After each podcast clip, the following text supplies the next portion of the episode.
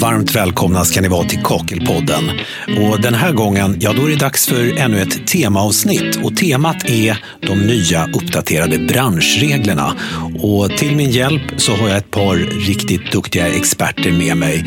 Frida Johansson ifrån GVK, Martin Brunkvist från Säker Vatten och Christian Pettersson och Ralf Girard på Byggkeramikrådet. Och för de lyssnare som kanske inte känner till GVK Säker Vatten och för den delen också Byggkeramikrådet tänkte jag att vi kan väl ta ett varv och så kan ni kort berätta vilka ni är och vilken roll ni har i era respektive organisationer. Eh, Frida, du kan väl börja? Ja, eh, jag kommer då från GVK, golvbranschens våtrumskontroll. Och eh, det är en stiftelse som består av några företag och organisationer Eh, som har ett syfte då att eh, minska vattenskador i Sverige. Så vi är ingen branschorganisation som de andra är. Eh, och det vi jobbar med är då att vi auktoriserar företag och utbildar människor som jobbar då i, med tätskiktsinstallationer. Och som grund har vi då våra branschregler, Säkra våtrum. Våra företag ska då följa dem och det är både branschregler då för plastmatta men även för tätskiktsfolie och vätskebaserade tätskiktssystem. Tack för det. Martin? Ja, jag kommer då från Säker Vatten. Eh, Säker Vatten är en organisation som är en branschorganisation där vi samlar eh, våra VVS-montörer som drar rör, framförallt tappvatten och spillvatten och även i viss mån värme i våra hus och anläggningar till badrum och kök och så vidare. Precis som eh, de andra organisationerna så auktoriserar vi företagen eh, att följa våra branschregler. Och det är våra branschregler som är själva kärnpunkten i verksamheten. Eh, där vi samlar bra sätt att göra vatteninstallationerna på så att vi inte får några vattenläckor. Vi jobbar även brett med att informera till allmänheten, till försäkringsbolag, till besiktningsmän och så vidare. Tack så mycket för det Martin. Christian Pettersson. Ja, jag kommer då från Byggkeramikrådet eh, där jag jobbar då mycket med utbildning och sen teknisk support. Och Ralf Gerard. Precis, jag jobbar också på Byggkeramikrådet. Jag jobbar som vd på Byggkeramikrådet. Och vi är en branschorganisation eh, där till stora delar vi jobbar då med branschregler, det vi ska prata om idag, eh, men också har mycket utbildningar såklart, utfärdar behörigheter och liknande. Så att vi är lika säker vatten. Vi ska ju prata om Byggkeramikrådets nya branschregler för våtrum, förkortat BBV. Eh, senaste regelverket det skrevs om för fem år sedan och dessutom så ska vi få en inblick också i GVKs och Säker Vattens branschregler. Men jag tänkte Ralf, eh, varför vill ni lyfta de här nya uppdaterade branschreglerna i Kakelpodden? Ja, det är flera anledningar, men eh, om vi börjar med den första då, så är det här nyheter. De har precis börjat gälla. De eh, gäller från och med första januari, så att de, är, de är inte ens en månad gamla. Eh, och som vanligt, som alltid när det är nyheter, så är det klart att det väcker stort intresse. Det är många som är intresserade och vill veta. Och man kanske inte alltid vill veta hela regelverket, utan framförallt de här senaste sakerna som är förändrade. Eh, så det ska vi lyfta eh, och det är en av anledningarna. En annan är att vi får ju fortfarande, eller fortfarande, vi får mycket frågor om vad är det som är ändrat och vad är det som är nytt och hur tolkar man det här och ja, allt, allt mellan himmel och jord höll jag på att säga. Det tredje är ju också att väldigt ofta när det gäller regler och så, så är det, är det ju ibland lättare att lyssna på när folk pratar om det och få det här förklarat för sig än att man ska läsa in dem och, och försöka tolka det här. Eh, det kan vara lätt att det blir lite missförstånd och därför vill vi hellre eh, på det här sättet prata om dem i, i podden. Då. Och det fjärde är att vi vill också lyfta det här samarbetet som vi har när vi har tagit fram de här eh, reglerna som vi har då med GVK och mycket vatten. Så att, eh, det är flera eh, anledningar till det. Ja, men det är ju eh, ett bra initiativ tycker jag. Och det här med att ni har samordnat branschreglerna med Säker vatten och GVK. Är det så att ni alltid samordnar branschregler? Nej, det här är ju första gången som det sker. Det här har inte gjorts tidigare. Så det är ju särskilt kul, eller extra kul, att vi nu gör det. Därför att alla våra tre organisationers branschregler börjar gälla från och med samma datum. Och det har inte varit tidigare. Tidigare så har det här varit lite osynkat. Så att ett år kanske vi har gett ut eh, våra regler och uppdaterat dem och sen ett annat år så kanske GVK har och ett tredje år så har Säker Vatten. Men, men nu, från och med nu släpper vi dem samtidigt, vilket också gör det lättare för framtida uppdateringar att komma med dem samtidigt också. Eh, och det här gör ju att, att man som entreprenör eller marknaden eh, inte upplever att reglerna hela tiden ändras, att det varje år kommer nya regler och så vidare. Wow, det är ju med andra ord världspremiär för ett sånt här samordnande. Det känns ju riktigt stort. Kan du berätta någonting? Hur föddes den här idén och faktiskt samordna det här?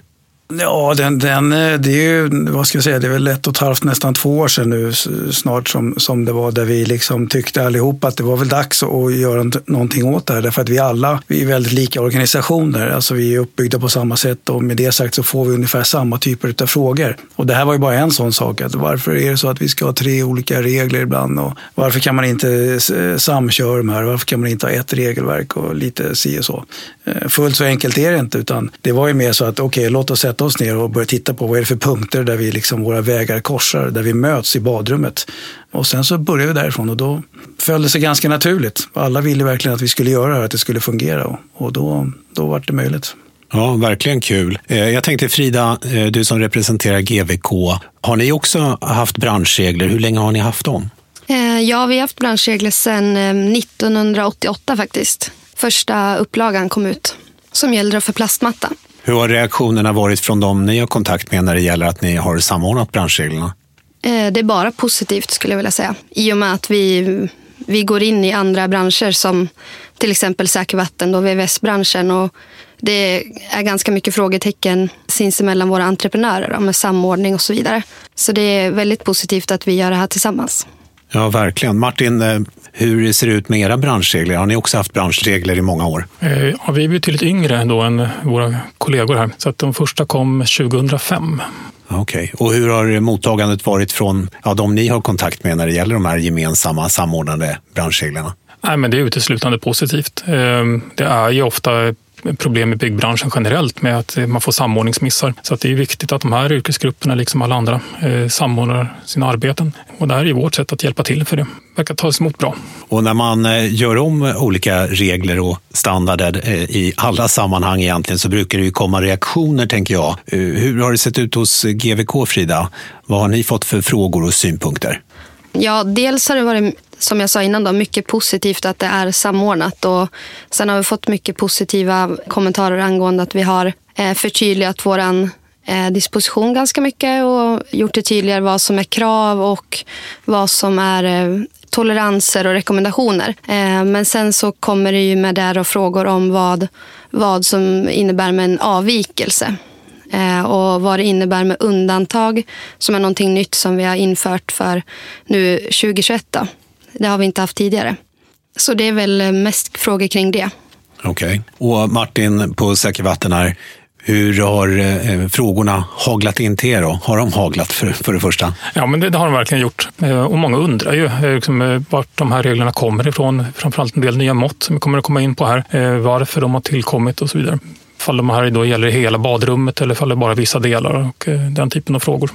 Är det någon särskild eh, fråga sådär som har varit extra aktuell, som man har frågat extra mycket om? Ja, avståndet på rörgenomföringar, där vi tidigare inte har haft någon egentligen regel. Det har funnits en praxis på att man gör rörgenomföringar med centrumavstånd 40 mm. Eh, nu är det ett mått på 60 mm istället. Så det är ganska så mycket större.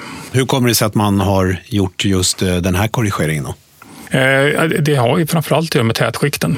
För rörens skull så spelar det egentligen ingen roll vilket avstånd de kommer in. Vattnet transporteras ju ändå eh, och det blir inte mindre läckagerisk i fogar och sånt utan det har att göra för att tätskikten ska kunna monteras på ett korrekt sätt.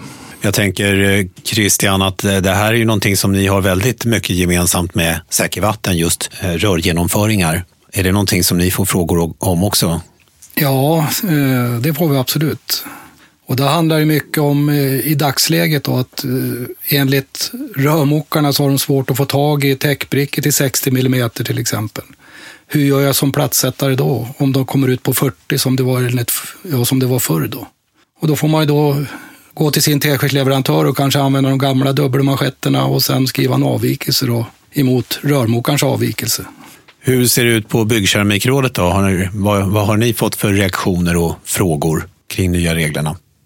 Ja, den vanligaste frågan vi har fått då, det är ju då skrivningen som säger att eh, karm och tröskel ska ligga i liv med eh, beklädnadsskivan.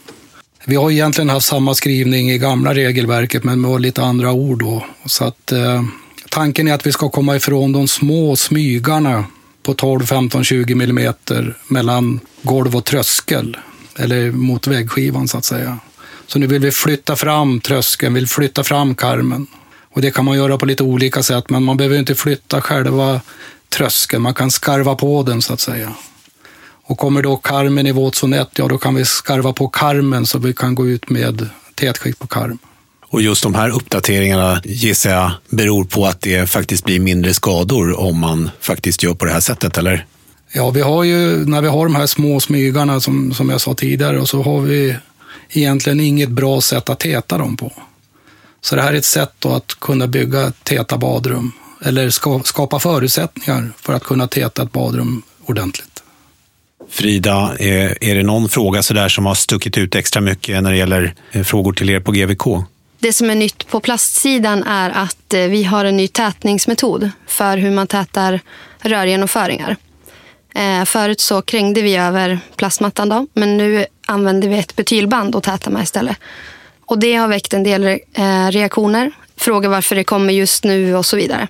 Så det är väl också en sån där fråga som har stuckit ut. Och varför gör ni just den förändringen då? Eh, ja, det, det visar sig att eh, ja, den här tätningsmetoden är ännu säkrare än den som vi har gjort tidigare. Då. En produktutveckling helt enkelt. Mm. Som man gör i alla branscher. Och det kan man väl säga sammanfattat för er allihopa att alla de här uppdateringarna av eh, branschreglerna eh, är ju för att få ett säkrare arbete, ett, ett bättre kvalitet på det som genomförs. Mm, precis. Mm. Så är det naturligtvis. Eh, ja, det här med tröskel i liv, det gäller ju även för våra nya branschregler på GVK också. Tröskeln ska helt enkelt vara på plats innan tätskiktsinstallationen utgörs och den ska sitta i liv med badrumsväggen. Då. Och det här kan man väl se som en fördel för snickaren, byggaren, att han behöver inte titta på två olika regelverk utan det är ju samma regelverk både för GVK och för BKR. Då. Är det någon ytterligare fråga så där som ni tycker är värd att lyfta, som ni får in ofta och som kan vara bra att ta upp? Det kan väl då vara elgenomföringar. Eh, förut så har det ju inte varit i princip godkänt med en elgenomföring till, en, eh, till ett bubbelbadkar till exempel. Eh, idag har vi då öppnat för det om man då skaffar förutsättningar så att vi kan täta ordentligt med våra manschetter till exempel som, som leverantörerna har. Då. Det krävs lite speciella anordningar men vi är i alla fall öppna för att vi ska kunna bygga moderna badrum. Och framför allt att vi lyfter in det i branschreglerna. Eh, så att det står där så att även våra entreprenörer vet om det, vad som gäller. Ja, alltså den vanligaste frågan vi får handlar egentligen om hur man ska placera tvättmaskiner. Eh, men det har inte så mycket med de här eh, tätskiktsfrågorna då att göra. Eh, men annars är det just de här måtten, till exempel tätning eller rörgenomföringar. Måtten på dem, höjden på fördelarskåp är också en sån där ny fråga som vi har fått. När vi nu har satt, sagt att fördelarskåp ska sitta på en höjd av 500 millimeter ovanför bjälklaget. Där har vi inte haft något mått tidigare. Det är en sån fråga vi får mycket. Eh, men Martin, varför har ni satt just de måtten då? Jo, det har att göra med att eh, när rören kommer in i fördelarskåpen underifrån eh, så är det viktigt att de här genomföringarna blir helt täta. Så att om det börjar läcka in i skåp så ska det helt enkelt inte läcka ut i väggen eller i den plats där den är placerad. Eh, och det kräver då att rören kommer in helt vinkelrätt och inte har någon inspänning så att de ligger och drar mot någon av kanterna. För att uppnå det så behöver man sätta på den här höjden så att det inte blir den här inspänningen som sen kommer leda till att rören hoppar lite snett och det då blir en liten läcka.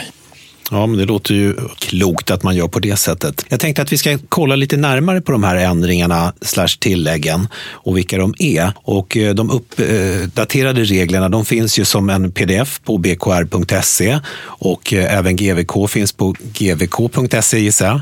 Ja, precis. Och Säker vatten säkervatten.se. Och vi har även våra branschregler som en app som man kan ladda ner på App Store och Google Play och så. Och den heter kort och gott GVK då, eller? Eh, GVK Säkra våtrum heter den. Ja, och det är samma sak för oss och eh, branschreglerna finns även att beställa på hemsidan om man vill ha dem i ett tryckt format. Mm. Okay. Förutom eh, på era appar så finns den ju också på Byggkeramikrådets app, de här branschreglerna. Och eh, jag kikade lite grann, pdfen på BKR är på ungefär 30 sidor. Eh, men på de här sidorna så samlas ju alla branschregler.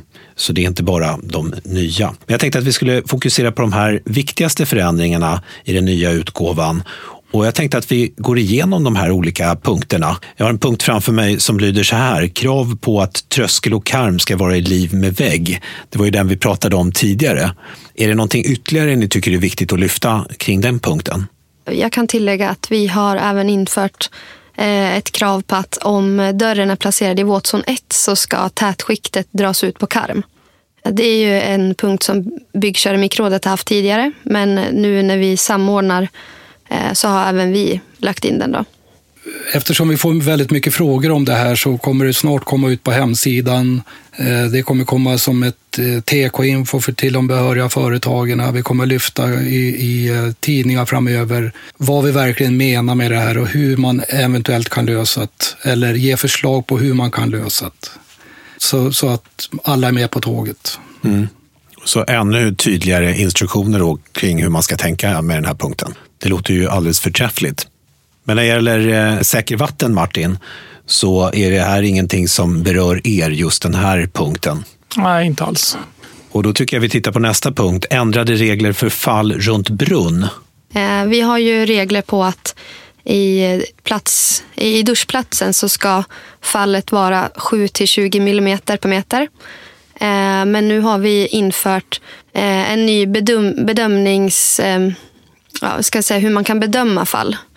Eh, att vi tillåter upp till 40 mm per meter eh, från golvbrunnens fläns och eh, till intilliggande vägg. Den här korta lilla biten som man ja, egentligen inte kan stå på för att det är så ett litet utrymme. Där till, tillåter vi alltså nu 40 mm per meter. Och tidigare var det? 20 mm per meter i hela, i hela ytan då, mm. i, i duschplatsen. Och vad är anledningen till den justeringen? Eh, ja, det kommer väl främst från att ehm, ja, dels så står man inte på den ytan. Så det är, allting grundar ju sig på att eh, risken för halka som kommer från eh, BBR. Då. Men på den ytan så står man ju normalt inte. Och det är många entreprenörer som får nedslag från besiktningsmän och kontrollanter där man säger att det här måste göras om för att det är för brant. Och så hänvisar man till risk för halka. Då. Men eh, i och med att man inte står där så kan man inte heller halka där. Mm. Jo, men det här har väl blivit då, dels som Frida sa, att eh, det blir mycket nedslag på det här på korta sträckan. Alltså, det är inte ofta vi sänker ner duschdelen i golvet, utan vi har ju samma plushöjder så att säga. Det innebär att den där korta sträckan kan ligga på 22, 23, 24 millimeter per meter och då får man ett nedslag på besiktningen och man kanske måste göra om det för att man hänvisar till halkrisken. Tittar vi sen på hur vi jobbar mycket då med storformatiga plattor. Eh, vi kanske inte har mindre plattor i, i eh, duschdelen. Vi kanske inte har en, en eh, väggnära brunn, utan kunden vill ha kuvertsågning. Att vi kuvertsågar ner stora plattor. Då blir det jättesvårt att klara fallvinkeln på den korta sträckan. Så det handlar väl mer om att vi ska kunna bygga ett schysst badrum som kunden vill ha. Men det känns ändå som att det här är en ganska stor ändring mot tidigare branschregler? Då? Ja, definitivt. Eh, det, det, det är en stor ändring. Mm. Och när det gäller säkervatten, har ni några synpunkter just kring den här delen? Eh, nej, det har vi inte heller. Eh, vi ser till att ta emot vattnet när det väl kommer ner i brunnen. Ja, det gör ni helt rätt i. Och eh, tittar vi på den här frågan som vi pratade om tidigare Martin med avstånd 60 mm cc mellan inkommande rör. Eh, det är också en av de här delarna i BBV som är uppdaterad. Vi har ju redan varit inne på det. Är det någonting ytterligare där som du tycker är värt att lyfta och ta fram? Ja, alltså, jag tycker man kan nämna att det här, eh, de här måtten på genomförande gäller då hela badrummet utom plats för bad eller dusch. Eh, tidigare så kanske vi hade, det finns en, det finns en missuppfattning om att man tidigare inte fick sätta dem i det som är, kallas våtzon 1. Så var inte riktigt reglerna, men nu är det i alla fall i våra regler tydligare om att det är bara plats för bad eller dusch man inte får rörgenomföringar. I övrigt så gäller samma regler för hela badrummet. CC-måttet som har kommit då, det underlättar ju för oss absolut, eh, framförallt för mattläggarna. Men just att man har samsyn på det här, det var ju lite problem då när Säkervatten inte hade något CC-mått. Rörmokaren kunde ju dra ut rören hur han ville egentligen och så skulle vi försöka täta det. Då. Eh, men nu styrs det ju av alla tre så att det är ju en klar fördel. Ja, vi har även fått mycket frågor om just det här när det kommer till de produkter, jämföringsbrickor och liknande. Att det inte har funnits att få tag i, men eh, det, så vitt vi känner till nu så finns det produkter och flera på gång. Så det finns flera tillverkare, alla tillverkare vet ju om det här. Så att de är på väg att ta fram produkter som passar för det måttet. Det måste ju underlätta för leverantörerna också när man har givna motto vad det är som gäller och ta fram rätt utrustning. Så är det naturligtvis. Frida, har du någonting att tillägga kring den här frågan? Ja, vi har ju också med de här delarna i våra branschregler. För att vi ställer ju krav på att det ska finnas rätt förutsättningar innan våra tätskiktsentreprenörer kommer dit. Då. Eh, så att eh, vi har också med de eh, delarna med eh, röravstånd och så. Precis lika som säker vatten. Då. Ja, men det är bra att ni håller er samman det, det gillar jag. Det här med tydligare krav för genomföringar med el var vi ju inne på tidigare. Det är också en av de här punkterna som är uppdaterad. Eh, Christian, är det någonting eh, som du tycker är extra viktigt att lyfta just kring den här punkten? Ja, vi får ju mycket frågor om det där då, vad vi menar egentligen. Eh, för vi har ju skrivit då att belysningskrapp, om den sitter i våtzon 2 så behöver vi inte täta den själva dosan. Vi har ju jobbat så sedan urminnes tider. Vi har aldrig tätat den dosan och, och, den har vi tagit bort nu då, att vi behöver inte täta den om den sitter i båt som två. Däremot övriga genomföringar med doser och, och rör ska ju tätas då. Eh, nu har vi problem att täta mot dosor, eh, men där hoppas vi väl att marknaden kanske kan plocka fram någonting. Det finns lösningar om man är lite kreativ, men det blir fel förutsättningar för oss tätskikts, eh, som ska tätskikta om, om vi inte har någonting att sätta manschett på, så vi kan kraga på så att säga. Um, jag kan nämna att eh, vi, vi har ju också precis samma nya krav där som BKR och det har vi tagit fram då tillsammans med en elexpert på installatörsföretagen. Uh, så det är ju inget nytt egentligen så, men att vi även lyfter det i våra branschregler. Då. Det här med att ni samarbetar även med elinstallatörerna, är det någonting som också är nytt eller är det någonting ni har gjort tidigare?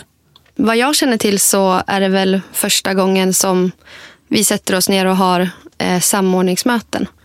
Ja, det stämmer det som Frida säger. Det, det har inte, vi har inte tidigare haft det samarbetet. Eh, men jag vill också poängtera att vi också haft med MVK i det här arbetet, målarnas våtrumskontroll. Så de har ju också varit med och bidragit till allt det här.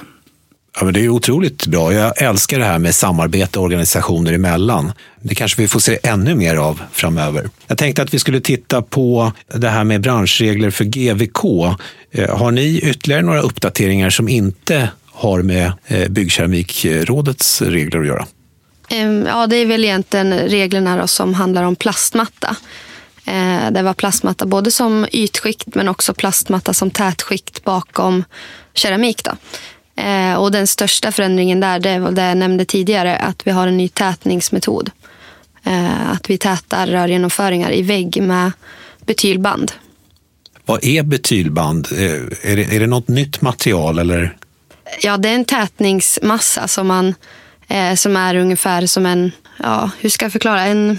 Kladdig gummisnodd? Ja, ungefär. Så det har ju funnits tidigare, men nu är det krav att det är bara det som gäller. Då. För att det är ett bättre material helt enkelt? Då.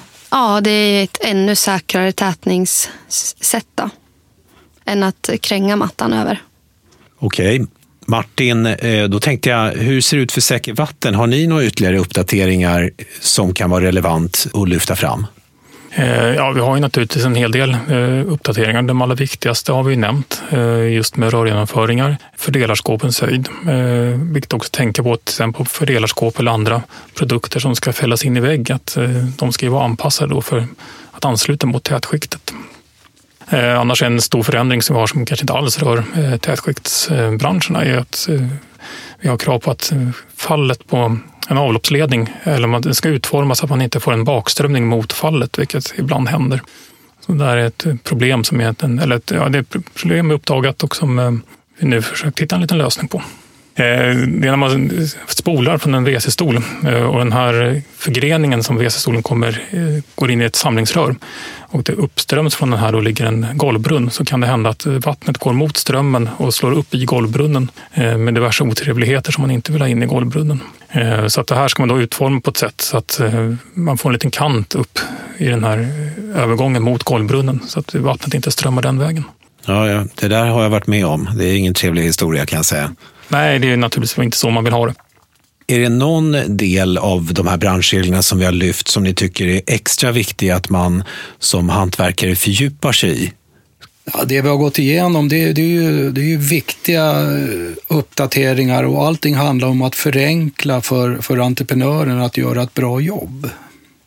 Sen att det ställer till kanske lite för andra yrkesgrupper eller snickare som tycker att vad är det här för någonting? Men så är det alltid när man gör en uppdatering. Det blir en övergångsperiod, sen blir det ju där fullt normalt. Men det handlar om att vi ska kunna skapa, kräva bra förutsättningar för att kunna göra ett bra jobb. Eh, nej men precis som Christian säger så eh, de här grejerna som vi har nämnt nu, det är ju det viktigaste. Eh, och sen även att eh, ja, men det här som Säker Vatten har infört nu då, med nya CC-avstånd på rörgenomföringar. Här är det viktigt att även våra entreprenörer känner till så att de har rätt förutsättningar när de kommer in och ska göra ett jobb. Ja, eh, men det är väldigt viktigt just den här samordningen eh, mellan oss. Och det handlar väldigt mycket om att eh, prata med varandra, samordna ens arbeten. Eh, våra respektive yrkesgrupper som vi representerar nu kommer kanske in i lite olika skeden i processen. Eh, ibland så kommer rör först, ibland så kommer tätskiktet först. Eh, men det gäller att man pratar med varandra så man vet vilka förutsättningar som ska gälla i just det här enskilda projektet. Ja, men nu har vi gått igenom eh, de här förändringarna, de här nya förändringarna. Och eh, jag tänkte ändå, även om vi varit inne och nosat på det och pratat om det, så det här med brunnar är ju väldigt viktigt och eh, det diskuteras ofta. Det kommer ofta in frågor och det här är ju en gemensam fråga för er alla tre, GVK, BKR och Säker Vatten. Vad skulle ni säga, är det några saker där som vi skulle behöva prata lite extra om? Eh, ja, eh, eh, framförallt när det gäller avståndet då. Golvbrunn till väggens tätskikt så är det ju samma mått som har gällt sedan väldigt länge. Det är 200 millimeter och det står ju kvar. Även om många frågar om det, kanske speciellt när det blir ombyggnader och väggar placeras närmare eller väggar blir lite tjockare så att det här avståndet då försvinner. Ja, eh, om vi nu kommer till en golvbrunn och det är 17 centimeter istället för 20 centimeter vi kanske kan täta det på ett bra sätt eh, tillsammans med vår teskersleverantör med en manschett, men det är fortfarande en avvikelse ifrån branschreglerna eh, som man då ska avtala med sin beställare. Tyvärr blir det en väldig oro så fort en entreprenör nämner avvikelse. Då tror man att badrummet är dåligt. Men en avvikelse är egentligen ett sätt att tala om att just i det här specifika fallet kan jag inte jobba enligt branschreglerna, utan jag måste hitta en annan lösning. En annan lösning behöver inte vara sämre i det specifika fallet, den kan även vara bättre. Men man måste jobba fackmässigt, alltså jag tar kontakt med min teskyddsleverantör. Kan jag lösa det här på ett annat sätt än vad som står i branschreglerna? Så att det är bara ett annat sätt att utföra jobbet mot vad det står just i boken i det här specifika fallet. Så det behöver inte betyda att det är ett dåligt arbete. Ja, det där med avvikelse tänkte jag att vi skulle följa upp alldeles strax. Men innan vi gör det, Frida, vad säger du kring det här med brunnar? Är det någonting som du eh, tycker är extra viktigt att, att lyfta där? Eh, ja, precis. Vi har, eh, vi har ju även samma eh, mått som övriga har. Och det måttet gäller oavsett om det är plastmatta som tätskikt eller om vi har eh, en folie eller vätskebaserat. Då. Mm. Eh, jag tänkte just det här som du var inne på med avvikelser. Är det vanligt förekommande med avvikelser och, och, och kan du för, fördjupa dig lite i det, Christian? Ja, det är ju faktiskt så att eh, oavsett vilken bransch man är ifrån så är varje badrum unikt. Det innebär att det går inte att skriva regler för precis alla badrum. Eh, tittar vi på rotsidan framför allt så byggdes kåken för 15-20 år sedan och så har vi dagens regler vi ska följa. Det innebär att kåken är inte byggd efter dagens regler. Då kanske vi måste göra någon avvikelse på något moment.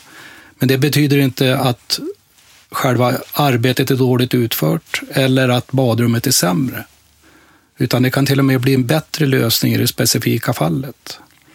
Utan en avvikelse är egentligen ett avtal mellan två parter att just i det här specifika fallet kan jag inte följa branschreglerna. Men jag kan göra den här tekniska lösningen som jag har fått ifrån min teskyddsleverantör till exempel.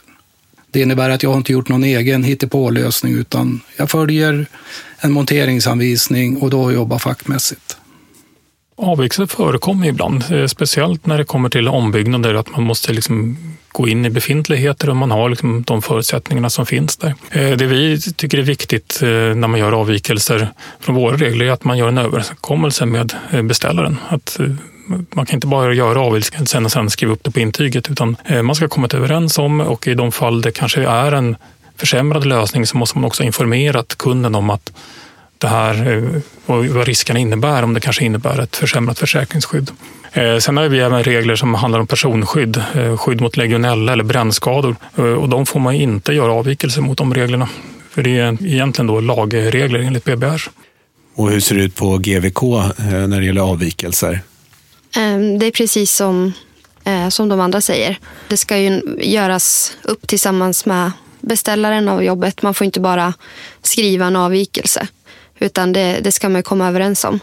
Men eh, ja, som sagt så behöver det inte vara ett fel eller någonting som är underkänt eller så. Utan ja, men oftast vid ombyggnationer. Där man kanske har rörgenomföringar som kommer upp till exempel. Eller att de kommer ut på fel avstånd och så. Det är väl de vanligaste avvikelserna som vi och våra företag ser. Men eh, hur ser det ut för eh, GVK och BKR då? Är det så att ni har några sådana här lagstadgade krav, precis som Säker vatten? Nej, vi på BKR har inte det i alla fall. Eh, vi har inte personskydd på det sättet som Säker vatten har. Vi har ju några lagstadgade grejer, alltså det ska vara fall mot golvbrunn och eh, så vidare. Eh, det är de kraven som våra branschregler grundas på egentligen. Alltså Boverkets byggregler. Ni har ju pratat här om just det här med att man gör om delar av någonting, det vill säga en delreparation. Vad är det som gäller där? Ja, vi har väl utvecklat vår text till nya branschreglerna just för delreparationer. Eh, det har ju varit eh, dels från besiktningsmän, försäkringsbolag, att det går inte att delreparera tätskikt. Eh, det har inte varit försäkringsbart. Nu har vi ändrat texten att man som entreprenör tar med sig sin tätskiktsleverantör och talar om hur vi ska göra i det specifika fallet. Vi ska dokumentera och då kan vi få ett försäkringsbart. Det kan ju handla om att byta en liten platta i ett hörn till exempel. Det måste vi kunna göra utan att behöva riva hela badrummet. Det finns alltid en risk när man tar bort en platta att man skadar tätskiktet och då måste vi kunna delreparera det. Oavsett om det är som ett knappnålshuvud. På plastmattesidan så har vi ju i dagsläget två stycken plastmattor som är godkända för delreparation. Eh, och det är också eh, nytt för eh, i år. Då. Eh, eller den första kom ut i slutet av 2020 som godkänd matta. Men eh, det är ju någonting som man börjar tillämpa nu. Då. Martin? Eh, nej, egentligen berör inte det här oss alls. Det är möjligtvis att det är våra hantverk som har ställt till det någonstans, men sen får reparationerna göras av någon annan. Ja, nu har vi pratat om eh, förändringar och uppdateringar av branschreglerna. Men jag tänkte att vi innan vi avslutar ska kolla lite grann. Är det någonting som ni tycker är extra viktigt att lyfta fram eller kanske förstärka? Martin, vad säger du? Ja, jag tycker vi kan ju nämna rörgenomföringar genom golv. Eh, och det generella är ju liksom i båtrum och i tvättstugor att det inte ska finnas några rörgenomföringar. När det kommer till inkommande vatten eh, till en varmvattenberedare eller till en vattenmätare eller så, så kan man komma in i tvättstugan om man då använder en rörgenomföringshylsa. Eh, I övrigt ska det inte finnas några rörgenomföringar så att eh, gamla radiatorrör som kommer upp i ett badrum, det blir en avvikelse eh, för de ska inte vara där. Så det, det är egentligen bara de här inkommande vatten som man kan komma upp med golv då i tvättstugan och då med en rörgenomföringshylsa. Eh, det finns ju en här allmän eh, tro i branschen att man kan lösa de här rörgenomföringarna genom golv genom att bygga upp en liten klack som man gör som en liten upphöjnad. Men eh, som vi ser det är bara att man gör ett upphöjt golv och att det inte då blir en godkänd lösning i alla fall. Just det här med, med klackarna var ju väldigt populärt till för fem, sju, åtta år sedan då när Säkervattnet sa stopp. Det är många, många ställen idag där det är gamla eh, lägenheter och rören kommer upp. Eh, entreprenören får inte flytta på rören för bostadsrättsföreningen, de äger rören och de får inte röra dem och då måste man hitta en teknisk lösning. Och en teknisk lösning kan ju då vara en klack om man då avtalar en avvikelse. För man ser ju då att om vi gör en klack så, så är det säkrare än att sätta manschetterna direkt på golvet och sen inte ha någon klack. Vi får inte vatten kapillärt gå upp på klacken så att säga. Så att eh, det kan vara en teknisk lösning, men det är fortfarande inte godkänt utan det krävs en avvikelse, ett avtal mellan två parter. Ja, Frida, vad, vad säger du och GVK om, om det Martin och Christian pratar om? Eh, vi håller ju med helt och hållet. Det ska inte vara några klackar, utan det, det blir ju samma sak. Liksom. Man måste ju täta dem, ja, själva rörgenomföringen på något sätt ändå. Samma ståndpunkt som BKR och Säker vatten, det låter tryggt. Ja. Är det någonting annat som du tycker är viktigt att lyfta fram? Eh, ja, eh, någonting som vi inte har pratat om än är ju våtzoner och plats för bad eller dusch. Eh, det är väl egentligen ingenting som är nytt eh, från oss på GVK och inte heller för BKR. Eh, men det är någonting som vi har lagt lite tyngd i att förtydliga. Eh, I och med att Säker Vatten tar bort deras våtzoner från deras branschregler och endast använder sig av benämningen plats för bad eller dusch. Så har ju vi också lagt in den benämningen då och förtydligat den. Att det är en del av våtzon 1 och plats för bad eller dusch är ju då eh, ytan i, i ett duschutrymme eller där vi har badkaret och upp till två meter på väggen. Och i plats för bad eller dusch så får det inte komma några rörgenomföringar eh, i vägg. Då. Förutom till blandare eller? Ja, precis. Ja. Direktavslutning av blandare. Okay. Ja. ja. det är en fördel om vi har rör dit. Ja, Alltså det finns ju, det är det undantaget och att man får ha en avsättning för slanganslutning av duschkabiner och badkarsblandare. Mm. Eh, nej, och det är kanske en missuppfattning bland en del av våra medlemmar att det inte finns våtzoner längre. Eh, det gör det ju. Det är bara det att vi på Säker Vatten har ju inte särskilda krav för respektive våtzon 1 och våtzon 2 utan det är plats för bad eller dusch och sen är det resten av badrummet har samma krav. Ja, men det låter ju som att det blir betydligt tydligare. Christian, har du någonting som du vill lägga till ytterligare? Ja, vi har ju då ändrat våra våtzoner. Vi har ju då tagit över GVKs eh, sätt att se på våtzoner. Vi räknade löpmeter på väg förut, men nu har vi tagit över GVKs sätt att räkna våtzoner, typ solfjäder. Eh, jag kanske ska förklara den här solfjädern fjädern som Christian nämner. Det är ju en, en radie då på en meter. Om vi har till exempel ett badkar så har vi våtzon 1 runt badkaret och en meter ut på vägg. Men även en meter som en radie ut om vi har till exempel om vi har ett litet badrum. Då. Och det, det har vi haft eh, tidigare också så det är ju bra att, att vi är samspelta även på den punkten. Ja, ni är ju onekligen väldigt samspelta och det tycker jag är härligt. Eh, innan vi rundar av, eh, Ralf, några slutord, någon summering kanske? Sammanfattningsvis skulle jag vilja säga att, att eh, det här är eh, alltså så pass eh, spännande och så pass bra, roligt för hela branschen allihop att vi säkert får anledning till att göra en version 2 eller en del 2 på det här avsnittet. Men jag skulle också vilja eh, slå ett slag för lite andra saker eh, som vi gör. Det, vårt samarbete upphör inte med att vi har släppt nya eh, branschregler utan vi har ju andra saker som vi också jobbar gemensamt med. Och det som ligger närmast här nu i, i pipeline är, vi håller på att uppdatera en broschyr som heter Bygg badrummet rätt, eh, där man kan läsa lite mer konstruktioner eh, innan vi kommer in eh, med, med, våra ytskikt och det och hur rören ska vara och hur väggar ska se ut och lite så.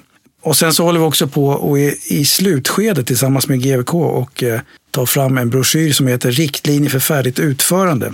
Det vill säga vad kan man förvänta sig, hur ska badrummet se ut när det är färdigkaklat? Ja, men tack för det Ralf. Eh, bra sammanfattat och kul att höra att ni har andra projekt på gång där ni fortsätter att samordna och samarbeta med varandra. Jag säger stort tack till er medverkan, Frida Johansson, GVK, Martin Brunkvist, Säker Vatten, Christian Pettersson och Ralf Gerard på Byggkeramikrådet. Tack så mycket. Tack. Tack, tack. tack.